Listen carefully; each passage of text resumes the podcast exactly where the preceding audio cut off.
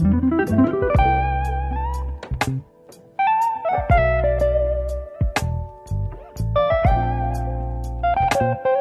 datang kembali teman-teman di podcast AJG bersama aku On Christopher. Dan aku Feliani. Hari ini kita lanjut lagi em, ngomongin dari episode sebelumnya Hmm. tentang goal setting yang personal tadi kan.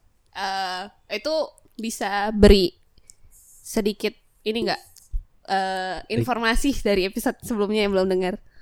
Eh, jadi Koprapta berpesan bahwa masa muda itu harus direncanain Yoi. karena ibaratnya tuh satu menit perencanaan tuh untuk ah, gimana tadi Satu menit perencanaan Nah. untuk menghemat 10 menit pelaksanaan. Nah, itu sih teman-teman. Jadi kalau mau tahu lengkapnya dengerin saja Betul. podcastnya. Nah, kita balik lagi. Halo Ko Prapto. Halo. Jadi eh, sekarang nih lagi semangat semangatnya lah banyak orang pengen berbisnis ya. Kau tertarik buat berbisnis? Tertarik sih Tertarik. karena kalau jadi kalau kita eh, membuka bisnis kan berarti kita yang memanage semuanya kan. Kita jadi bosnya kan. Nah, itu pengen sih aku tidak diatur-atur oleh orang dan eh, bisa mengendalikan semuanya kayaknya seru deh. Jadi apa? Entrepreneur. you know? Faktanya gitu nak tuh kok? Ya, itu kalau kita belum jadi entrepreneur kayaknya enak. Hmm. Tapi setelah jadi entrepreneur pusingnya lebih banyak sebenarnya. Hmm. Keuntungannya cuma satu. apa tuh? Kalau berhasil ya punya duit agak banyak. Tapi tantangannya jauh lebih kompleks sih Hmm. dibanding kita kerja sama orang. Oh, jadi Koko lebih em, memilih kerja sama orang daripada membuka bisnis atau entrepreneur. Enggak gitu. juga. Sebenarnya balik ke apa eh, panggilan kita, tujuan kehidupan kita. Jadi sebenarnya kalau saya ngomongin hidup ini kan kita nggak memiliki hidup kita ya. Hmm. Tuhan yang memiliki. Kita ini kan dikasih tadi, Hmm. kasih karunia kan. Jadi kita hidup ya sebenarnya berdasarkan rencana Tuhan. Hmm. Kalau boleh dibilang. Nah, yang Tuhan kasihkan ke dalam hati kita itu kan ada passion, ada desire kita, ada motivasi, ada ada tujuan kehidupan kita. Itu Hmm. yang dimodalkan Tuhan dalam kehidupan kita.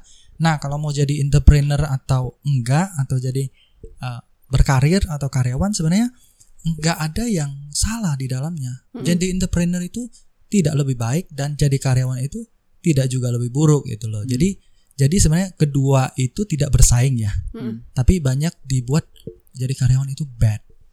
Nah, ada nggak sih karyawan yang bergaji tinggi? Banyak. Ada banyak. Banyak.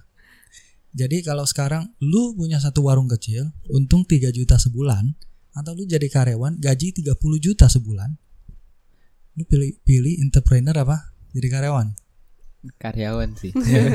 Jadi sekarang berarti poinnya bukan di sisi entrepreneur atau di status karyawannya. Mm-mm. tapi di sisi income-nya. Nah, sisi income-nya ini jebakan berbahaya. Hmm. Karena makin tinggi income di karyawan, tuntutan makin tinggi, stres makin tinggi, waktu makin hilang. Hmm. Jadi jadi itu yang harus kita bedakan. Kita mau masuk entrepreneur, apa yang pengen kita capai dalam entrepreneur? Sebenarnya kebebasan, Hmm. kebebasan finansial, kebebasan waktu, Hmm. kebebasan dalam segala hal, dalam pikiran, dalam memanage hidup kita. Sebenarnya itu itu tujuan aslinya entrepreneur. Orang terjun ke entrepreneur mesti punya tujuan seperti itu sih. Kalau cuma ngejar uh, financial di karir bisa seperti yang disampaikan tadi. Kan Koko boleh share nggak pengalaman dulu jadi karyawan sebelum jadi bos kayak sekarang? Jadi dari karyawan ini dari dari apa dari sekolah tapi itu panjang banget sih dari dari umur 11 lah udah udah melanglang buana gitu sambil sekolah sambil cari duit sambil bayar sekolah sendiri lah Mm-mm. karena ada privilege tadi. Tapi eh, aslinya kerja ya lulus dari SMA tadi. Mm-mm. lulus SMA karena 20 lamaran ditolak saya mesti kerja apa adanya serabutan. Apa yang ada di depan mata saya karena saya BU butuh uang. Jadi saya mesti kerja apa adanya. Kalau kerja ya saya eh, jadi mekanik sudah pernah mekanik motor jadi eh, apa namanya bantuin di proyek bangunan sudah pernah. Semua semua saya kerjain nyeles pun pernah produk apa pun udah istilahnya banyak kan produk baru yang nggak jelas udah dicobain juga. Asal ada duitnya ya, asal ada duitnya karena BU tadi motivasinya. Eh, karena kita masih muda belum punya pengalaman nggak punya banyak pilihan. Hmm. iya jadi kalau ngomongin karir kerja ya eh, baru eh, ke yang lebih profesional perusahaan lokal baru bisa ke finansial eh, bidangnya ke bank eh, ya ke mana-mana udah Eh, ke Jakarta terus balik lagi dan belajar banyak hal lah sebenarnya. Itu yang memperkaya hidup sih menurut saya. Oke. Ah, siap. Siap. Tadi ngomongnya kayak slow pelan. ulang Enggak apa, enggak apa. Kalau yang dikerjakan sekarang apa Koko cuma bisnisnya di satu bidang atau berbagai bidang? Em, fokus utama sih di transportasi Mm-mm. transportasi karena itu basicnya apa pilihan saya untuk saat ini jadi untuk saat ini transportasi dan yang berkaitan di sekelilingnya jadi eh, bisnis turunan dari transportasi itu kan banyak Hmm. Mm, jadi jadi itu yang saya tekuni sih sekarang sambil mengembangkan diri mengembangkan potensi dan memperluas networking Hmm. Mm-mm, untuk rambah ke area lainnya. Tapi area yang nggak jauh-jauh. Karena kalau jauh dari core bisnis masuk bidang baru itu agak riskan. Hmm. Berarti kan Koko kan udah banyak pengalaman dari jadi karyawan di perusahaan kecil mungkin sekarang udah eh, punya bisnis di bidang transportasi. Nah, Koko ada nggak tips-tips untuk para karyawan nih? Gimana supaya bisa menjadi karyawan yang baik atau bisa uh, income yang mereka dapatkan jadi lebih besar atau gimana gitu? Iya. Jadi saya percaya bahwa kita dihargai seiring dengan nilai yang kita berikan. Hmm. Kalau tiap tahun kita tidak bertumbuh menjadi pribadi yang lebih baik, tidak ada yang bisa kita kontribusikan ke dalam uh, tempat kerja kita, Hmm. sebenarnya kita nggak berhak sih minta penghasilan lebih tinggi. Jadi itu dulu yang penting. Jadi bukan salah bos, bukan salah perusahaan, tapi kita dulu yang mesti koreksi diri kita. Apakah value yang kita berikan itu udah cukup gede apa enggak? Contoh, contoh, em, satu perusahaan kita bisa berikan, saya sebagai pimpinan misalnya, saya bisa berikan untung 10 miliar satu tahun. Kalau mereka bayar saya 500 juta satu tahun, mereka berat apa enggak? Ya enggak. Enggak. Tapi kalau satu perusahaan saya hanya bisa kasih untung satu miliar, lalu saya minta bayar 500 juta, sebenarnya itu cukup berat buat mereka. Mm-mm. Ya. Jadi relatif tinggi atau rendah, besar atau kecil income dari kerjanya kita bergantung sih pada value yang kita berikan pada perusahaan itu. Nah, untuk tipsnya tem- bagi teman-teman yang mau ini kan kalau bahasanya Kiyosaki kan apa? Pindah kuadran Hmm. dari level employee ke entrepreneur ya atau atau ap- berwira swasta. Nah, kalau kita nggak bisa berikan kontribusi waktu kita kerja sama orang, Hmm. etos kerja kita, etos kerja rendahan, etos kerja kita miskin, kita sering datang telat, Hmm. tidak punya integritas dan tidak disiplin, lalu banyak hal yang minus ketika kita kerja sama orang, nggak mungkin kita bisa sukses dalam bisnis sendiri. Hmm. Nah itu yang mesti diperhatikan baik-baik. Mulai dari situ dulu sebenarnya buat yang para karyawan. Apa yang dipercayakan Tuhan di tangan kita sekarang itu harus dijaga baik-baik dan dimaksimalkan. Do your best. Hmm. Nah itu sebenarnya modal kita. Itu berangkat dari sisi uh, pekerja atau karyawan atau orang karir masuk ke dalam dunia entrepreneurship. Hmm. Berarti sebenarnya yang dipikirkan pertama itu adalah value apa yang kita punya dan gimana meningkatkan value itu daripada memikirkan income berapa yang bisa aku dapatkan. Karena sempat kan dulu yang ada lulusan UI terus minta gajinya 8 juta kalau nggak salah. Padahal fresh graduate gitu. Jadi ternyata tadi udah disampaikan supaya menambah value sendiri. Ya, jadi kalau ngomongin UI tadi, saya pernah punya pengalaman pindah kerja. Jadi eh, istilahnya waktu itu saya kerja eh, ber apa pengalaman satu tahun setengah dua tahun lah. Hmm. Jadi itu gaji dua juta setengah. Lalu saya eh, diajak bergabung dalam satu perusahaan. Hmm. Kan saya nggak punya pengalaman kan, mau minta berapa. Tapi karena saya tahu value-nya saya, Hmm. walaupun kesannya agak sombong, tapi saya tahu value saya apa yang bisa saya berikan bagi perusahaan ini. Hmm. Lalu saya tulis tiga kali lipat di dalam penawaran itu Tiga kali lipat dari gaji sebelumnya. dari gaji sebelumnya. Gaji jadi dua juta setengah saya minta 8 juta Hmm. dan dikasih loh. Iya, Hmm. dikasih juga Hmm. 8 juta, malah 8 juta setengah dikasih. Hmm. Iya. Jauh sekali berarti. Iya. Jadi eh itulah sebenarnya kita mesti tahu value-nya kita, apa yang kita bisa Hmm. berikan. Tapi kalau diberi banyak kan dituntut banyak. Siap nggak dituntut? Siap nggak stres? Siap nggak pusing? Siap nggak pulang telat di situ? Kalau pekerjaan sebelumnya saya pulangnya bisa jam 4 jam 5. Setelah diberikan gaji berlipat-lipat, saya pulangnya setengah 9 jam 8 malam. Hmm. Berarti Jadi memang ada yang worth harus it. iya worth it. Kalau yang eh, topik yang terakhir sih, tadi kan kita udah ngomongin karyawan. Koko pernah jadi karyawan, kemudian sekarang berwirausaha. Dan orang kan banyak tuh yang ya terdorong lah untuk berwirausaha. Menurut Koko bakal worth it nggak sih teman-teman yang di usia muda kayak kita mulai nih fresh graduate langsung berusaha langsung berwirausaha atau menurut Koko sebenarnya lebih strategis kita itu bekerja sambil mungkin wirausaha tuh kayak hobinya atau gimana gitu. Jadi eh, balik ke tujuan hidup kita tadi ya.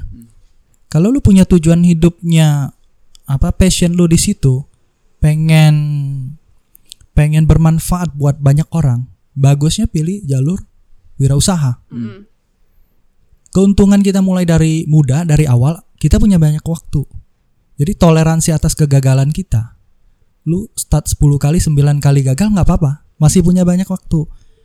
Tapi untuk lebih strategis saya sarankan sih kita kita cari contoh ya atau berkarir di luar, dapatkan model sebenarnya perusahaan bekerja seperti apa, apa yang dibutuhkan di dalamnya, lalu peta industri seperti apa, kita mau masuk area mana, segmen kita seperti apa, lalu target market kita seperti apa, itu itu kita bisa pelajari di market secara gratis yaitu dengan bekerja di perusahaan orang. Plus imbalannya kita dibayar tiap bulan. Iya. Jadi jangan anggap kita bekerja itu kayak budak kayak kayak apa namanya rendahan gitu, enggak. Jadi justru walaupun misalnya UMR-nya 2 juta setengah, kita dibayar satu setengah juta, itu bagus dong. Karena nggak ada yang mau bayar fresh graduate buat belajar. Mm-mm. Kita belajar terus dibayar, coba mindsetnya dibalik. Jadi kita nggak bakal komplain, Hmm. ya. Jadi seperti itu sih sebenarnya. Mesti belajar dulu lah. Hmm. Belajar, buang sedikit waktu dari situ sampai belajar kita punya waktu luang, waktu kita pulang kerja atau di weekend, kita bisa upgrade skill kita Hmm. sambil belajar. Petain bidang apa yang mau kita masukin. Contoh, Hmm. lu kerja sekarang gaji 2 juta di bawah UMR, nggak apa-apa, kerja aja dulu. Di weekend coba coba dimainkan pikiran kita. Kalau toh sekiranya sekarang saya ngumpulin 500 juta, bisnis apa yang harus saya start? Hmm. Sebulan bisa untung berapa? Karyawan saya berapa? Mau startnya di mana? Mulai dari mana? Kapan mau mulainya? Coba di dimain-mainkan dulu di dalam pikiran kita. Nah, setelah kita siap punya mental mental yang agak lumayan, kita bisa exit atau kita punya partner yang lumayan bisa modalin. Kita bisa exit dari kerjaan kita dan kita bisa mulai start yang kita latih di weekend itu. Berarti memang tidak ada waktu untuk eh, nongkrong-nongkrong hahaha hihi dulu ya kok ya. Jadi seperti yang eh, penjelasan Koko tadi bilang tuh kayaknya kita harus benar-benar eh, merencanakan dan Fokus banget fokus ini. dengan apa yang kita kerjakan. Iya sih kok? Oh, waktu nongkrong ada dong. Hmm. Ya, karena otak kita juga nggak bisa bekerja penuh 24 jam kan. Hmm. Itu bisa bisa bisa apa? Burnout ya bahasanya. Iya. Bisa habis pikiran kita nggak produktif. Hmm. Jadi ada juga sesi nongkrong-nongkrongnya, malah sering nongkrong. Iya, Mencari sering nongkrong. inspirasi. Iya, iya, iya. Jadi yang maksud saya perencanaan itu harus diseriuskan sih. Hmm. Diseriuskan tapi hidup itu kan harus dinikmatin juga. Mm-mm. Enggak satu sisi aja karir atau bisnisnya sukses tapi yang lain gagal Hmm. jangan juga tetap ada nongki nongkinya Oke. Selanjutnya kita punya seseorang karyawan ya. Iya. Kebetulan Dari- karyawan Anda? Iya, dia ini dari organisasi, Fili. Oh gitu. Persekutuan Karyawan Pontianak. ini ada ketuanya. Oke, silakan Bapak ketuanya. Saya persilakan. Oke, eh, perkenalkan aku Edwin. Kebetulan sekarang aku karyawan. Jadi eh, untuk umur aku sekarang di umur 21. Nah, aku ada satu pertanyaan kok. Mm-mm. Kita tahu kita semua harusnya pengen mencapai yang namanya kebebasan finansial. Kan? Eh, dan di posisi yang seperti aku sekarang karyawan dan menurut aku satu-satu satu-satunya cara untuk mencapai kebebasan finansial itu ada dua yang aku tahu gitu kan. Yaitu yang pertama bisnismen dan yang kedua itu investasi. Nah eh, Koko ada tips enggak untuk kayak kami yang karyawan untuk pindah ke kuadran bisnismen dan seorang investor. Nah, langkah-langkah yang harus kami ambil itu seperti apa kok? Jadi kita mesti kerja sambil bisnis atau langsung resign langsung plug ke bisnis gitu. Begitu kok. Oke. Terima kasih. Oke, silakan kok. Oke. Jadi kalau tipsnya sebenarnya yang tadi bisa membuat kita bebas finansial itu kan kata bro berbisnis, kedua investasi. Sebenarnya kalau boleh saya tambahkan buat kita bisa bebas finansial itu mesti berbisnis yang menguntungkan. Kalau berbisnis rugi lu selesai. Terus investasi yang benar dan menguntungkan karena banyak investasi bodong dan merugikan. Jadi itu yang masih dikelirkan dulu spesifik tadi. Nah, kalau untuk karyawan masuk ke sisi eh, jadi investor atau jadi entrepreneur, sebenarnya kita tidak perlu melepaskan karir kita. Contoh, kita kerja, bisa nggak invest tanah atau invest properti? Bisa. Jadi dalam satu waktu kita bisa ngerjain beberapa hal sebenarnya. Atau kita punya teman invest contoh rental sepeda. Saya nebeng deh, ambil saham di dalamnya boleh nggak? Tapi saya nggak pandai ngurus. Boleh nggak? Boleh saya ikut modal aja di dalamnya. Atau mereka besarin ikan arwana sekarang. Ya saya ikut boleh nggak dua ekor? Nanti hasilnya kita bagi aja. Boleh nggak? Boleh. Lu bisa sambil kerja kan nggak sita waktu lu kan? Intinya kerjaan lu nggak terganggu. Kalau ditanya bisa nggak? Bisa banget. Dan banyak cara menuju Roma. Seperti itu. Terima kasih ya kepada Mas Edwin atas pertanyaannya. Hmm. Sekarang ada juga nih satu lagi teman kita dari organisasi yang sama. Oh, organisasi. Silakan kepada Bapak. Pak siapa? Perkenalkan diri dulu. Halo Koprapto. Eh, saya nama saya Santo Akatsuki. eh, saya mau tanyakan nih, saya kan sekarang kan lagi eh, seorang freelance. Eh, bergerak di bidang pajak, pelaporan pajak orang. Nah, saya punya kendala nih. Saya pengen punya banyak klien, pengen ibaratnya customer lah yang orang yang mau pakai jasa saya. Sedangkan saya ini orang baru, baru terjun ke dunia ini, dan juga saya nggak tahu uh, caranya untuk misalnya ada orang yang kaya, terus dia kebingungan bayar pajaknya gimana, sedangkan aku tidak kenal dia. Nah, bagaimana caranya supaya aku punya relasi sama dia seperti itu, dan biar bisa aja kerjasama gitu, karena agak terkendala dari segi komunikasi dan juga eh aku siapa dia ya kok sosok kenal gitu gitu. Nah, tipsnya seperti apa Tiko? Terima Oke. kasih.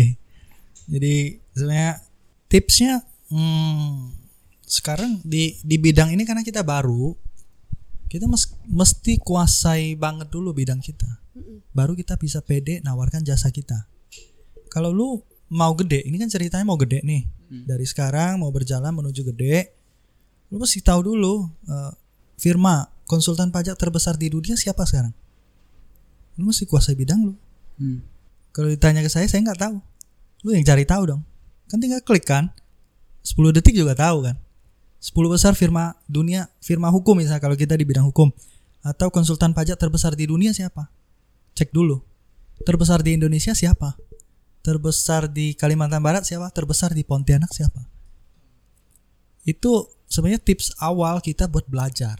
Jadi kita punya role model mau berangkat ke mana? Saya mau jadi terbesar di dunia, oke. Berarti effort kita juga effort yang kelas dunia. Pendidikan kita juga kelas dunia. Setiap private pajak yang ada, setiap ilmu yang ada, saya harus tingkat dunia. Kalau orang ikut ilmu pajak cuma di Pontianak, saya mesti bisa sampai Jakarta karena saya mau menuju kelas dunia.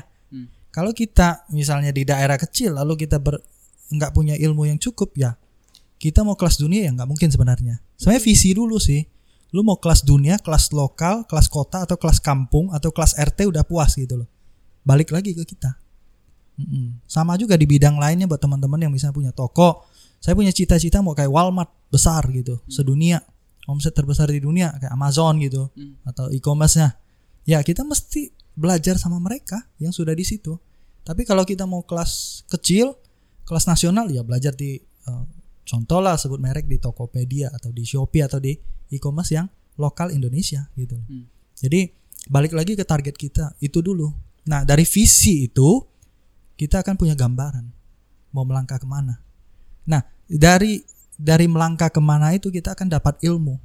Ilmu ini seiring waktu kita akan mulai makin pede. Hmm. Nah mulai makin pede klien kita dinaikkan. Sekarang nggak mungkin konglomerat Pontianak mau pakai jasa kita kalau saya pemula. Apa yang bisa saya berikan? Value apa yang bisa saya bisa deliver buat mereka?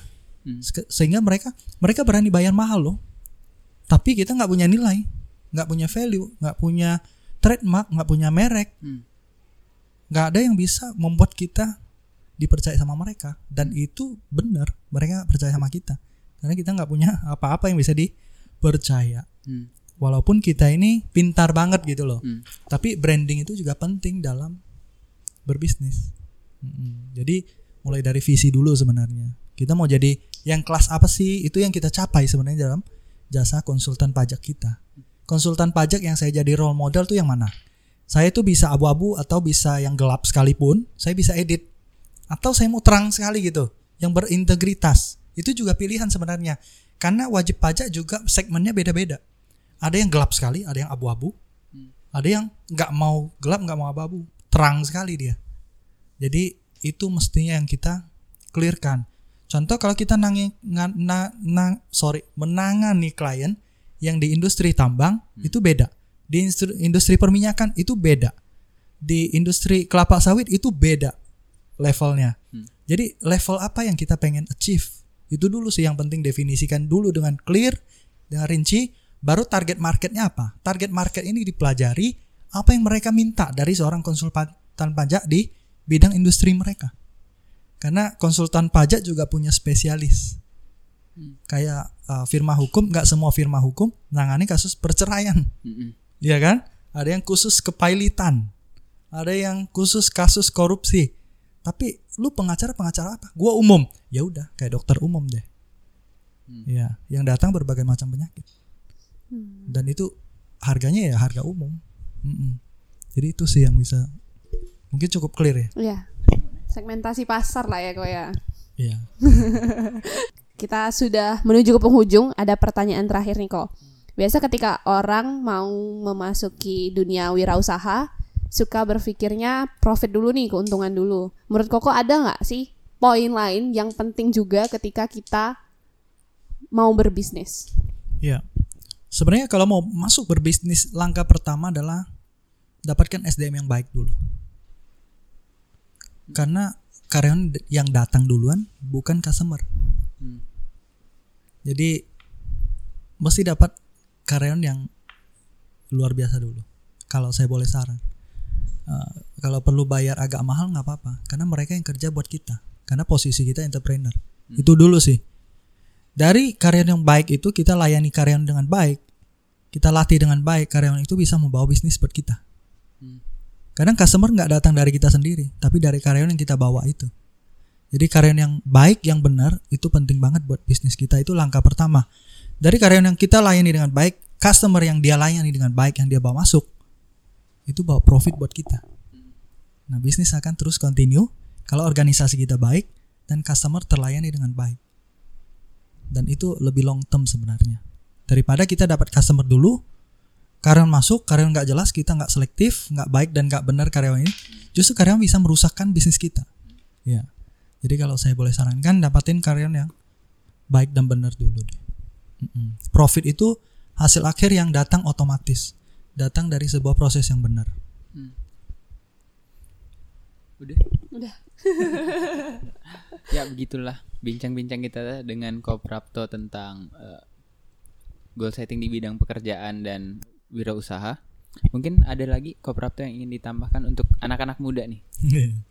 jadi anak-anak muda, hmm, jadi mau entrepreneurship sebenarnya uh, bukan nggak boleh pikirin profit ya. Profit boleh dipikirin sambil uh, sebenarnya yang mendrive kita selama berbisnis itu uh, kadang untung tapi stresnya nggak sebanding dengan untungnya. Jadi yang perlu kita pikirkan bukan hanya sisi finansial atau duitnya. Karena begitu kita mulai usaha tahun satu, tahun kedua, tahun ketiga, biasanya untungnya nggak banyak, stresnya yang banyak. Karena kita cari customer, bangun organisasi, cari uh, anak buah, segala macam banyak tantangan dari sisi hukumnya, sisi pajaknya, sisi administrasinya, semua itu tantangan. Nah itu akan melemahkan uh, spirit berwirausaha kita. Nah makanya kalau spirit itu bisa kita tancapkan dari awal, pondasinya kuat, kita mesti berpikiran yang jauh lebih daripada duit. Tujuan berbisnis kita, kita harus tetapkan sesuai dengan tujuan kehidupan kita, passion kita. Kalau toh passion kita misalnya pengen menjadi berkat bagi banyak orang melalui bisnis dan menolong orang supaya bisa mendapatkan lapangan kerja, saya kira itu jauh lebih baik daripada sekedar target profit. Nah, karena tujuan yang lebih besar dari sekedar duit itu akan terus menolong kita melalui masa-masa sulit kita. Kita akan ingat tujuan kita bukan hanya duit loh. Walaupun sekarang cuannya tipis, tapi at least gue punya dua karyawan gue pelihara yang kerja di tempat kita. Saya bisa kasih makan dia dan keluarganya. Itu, itu yang akan membuat kita semangat lagi ketika kita stres, ketika kita sakit, ketika kita rasa mau give up, kita akan terus berjalan karena ada orang lain yang kita tolong. Nah, itu akan terus memotivasi kita. Kalau saya bisa nolong 20 orang lagi bekerja di perusahaan saya, secara otomatis bagi orang luar perusahaan kita makin gede. Tapi goal kita bukan buat besarin. Besarin perusahaan sebenarnya. Goal kita untuk menolong orang lain jauh lebih banyak lagi. Nah, secara otomatis perusahaan kita makin besar dan profitnya makin banyak.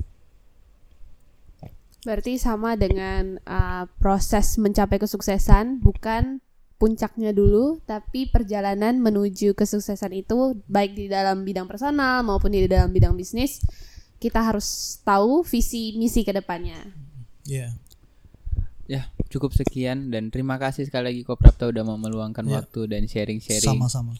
Thank you. Iya. Terima kasih semuanya yang sudah mendengarkan. Ntar ditransfer ya. Kak. Oke, see you in next episode. Bye. Bye.